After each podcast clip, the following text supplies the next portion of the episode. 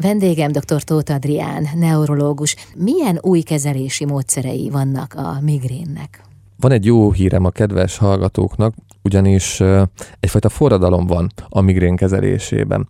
Olyan nagyfokú az új terápiáknak, az új gyógyszereknek a mennyisége és megfelelő kevés mellékhatással rendelkező gyógyszereknek, mint az elmúlt évtizedekben soha. Az, az elmúlt négy-öt évben jöttek forgalomba, Amerikában elsősorban, és most már folyamatosan nálunk és Európában is kaphatóak, az úgynevezett CGRP gátló gyógyszerek. A CGRP az egy kulcsmolekula a migrénes fejfájás kialakulásában, egy migrénes roham kapcsán nagy mértékben felszaporodik a mennyisége, értágulatot okoz, és ez egyik fő oka a migrénes fejfájásnak. És vannak most már olyan típusú készítmények, úgynevezett ilyen preventív, megelőző készítmények, amelyeket injekció, ilyen bőrbeadható kis szubkután injekció formájában, vagy intravénás infúzió formájában be lehet adni.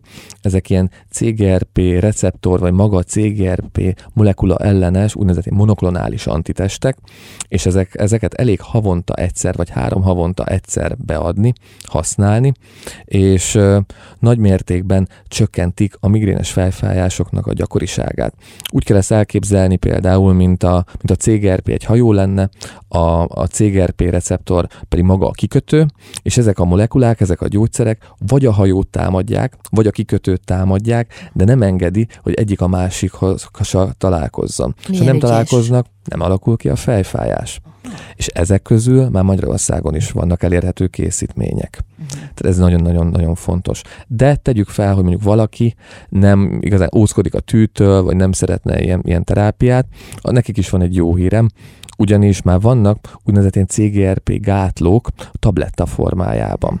És ezek a CGRP gátlók, aki, aki aki régi migrénes tudja, hogy korábban a triptánokat alkalmazták, nagyon a, ezek, ezekre mondtuk, hogy migrén specifikus gyógyszerek, csak azért nem szerettük mindig, mert nagyon sok beteg, de betegnél kicsit ilyen, ilyen levertséget okozott, szédültek, vagy van egy enyhe érösszehúzó hatásuk, és pont ezért szív- és érrendszeri betegeknek nem mindig adtuk szívesen, vagy nem is nem is nagyon lehet adni, nehogy esetleg egy szív- és érrendszeri betegséget okozzunk vele mellékhatásként. Na most ezek az új tabletták, ezek az új vegyületeknek már nincsen érösszehúzó hatásuk, nincs ilyen mellékhatásuk, jóformán nagyon-nagyon kevés mellékhatásuk van, és nagyon-nagyon jól csökkentik a migrénesnek, a migrénes fejfájást, és lehet őket használni mind rohamoldásra, de van olyan formájuk, ami megelőzésre is használható. Ez igen, tehát ha valaki már érzi, hogy jön a migrén, akkor lehet használni, vagy pedig csak úgy bekapok egyet a nap során, hát ha jön este. Vagy van olyan, hogy akkor minden nap, vagy minden másnap ja, kell értem. csak szedni, Aha. annak érdekében, hogy ne alakuljon ki a fejfájás. Van még, van még újdonság?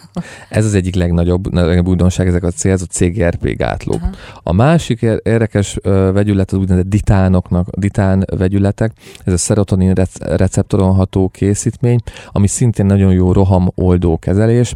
Tehát azért nem annyira jó, meg biztonságos, mert enyhe álmosságot, aluszékonyságot okozhat, és például, aki gyakran vezet, így nem nagyon ülhet volán mögé. Igen. Ez egyik rossz, de, de ez is hatékonynak tűnik, és nagyon-nagyon jó eredményeket lehet róla olvasni az interneten. És van egy, van egy érdekes és új, új kezelési lehetőség, az például a botox. Maga, maga már története is érdekes, hogy ezt hogyan, hogyan fedezték fel.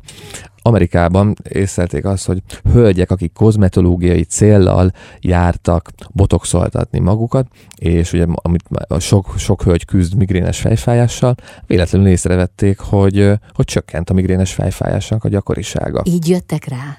Így jöttek rá, ezt kezdték el utána kutatni, hogy vajon ennek mi lehet az oka, és most eljutottunk arra, hogy már célzott protokollok vannak arra, hogy hogyan kell botoxsal beoltani a betegeket úgy, hogy csökkenjen a fejfájás. Azért nem jó minden, minden migrénes betegnek a botox. A botox kezelés az úgynevezett krónikus migrénben jön szóba, tehát amikor havonta 15 migrénes fejfájásnál több van az illetőnél. Ez gyakorlatilag azt jelenti, hogy valaki azzal él. Hát jó formán, igen. Tehát akkor lehet használni. De hogyan lehet ezt elképzelni? Tehát hová adják ilyenkor a botox injekciót? Az belátható, hogy a, a fejünk, az arcok izmokkal az izmok veszik körül, mindenhol nyakunkat, a vállunkat, az arcunkat, a, fej, a fejtetőnket, és magába az, az izomba kell adni a, a botox, botox injekciókat, kis egységeket, öt egységeket kell adni, 31 ponton kell szúrni a megfelelő arc, fej, nyak és válizmokba, ahhoz, hogy, hogy hatékony legyen ez a kezelés, de akiknél hatékony, azoknál elég három havonta ismételni ezt a, a botox injekciókat. És nem is feltétlenül kell az illetőnek élete végéig. Azt mondja, körülbelül ilyen egy éves kezelés kell hozzá, hogy, hogy utána már ne kelljen ismételni az injekciókat. Aha. Mennyire hatékony? Megoszlanak, e-, ezzel kapcsolatban több klinikai vizsgálat is történt, de azt mondjuk, hogy akinél, akinél egy év után sem történik semmi, azokra szoktuk az, a betegekre mondani, hogy náluk sajnos ez nem működik. De nagyon sok betegnél ilyen 70%-os javulási rátáról számolnak be. Én magam láttam olyan betegek, beteget, akinek havi 20 fejfájásból nulla lett. Az igen, az szép eredmény. Igen. És az neki száz százalék. Neki nagyon. Uh-huh. Visszakapta köszönöm. az életét. Igen. Köszönöm szépen. Én is köszönöm. Dr. Tóth Adrián, neurológus volt a vendégem.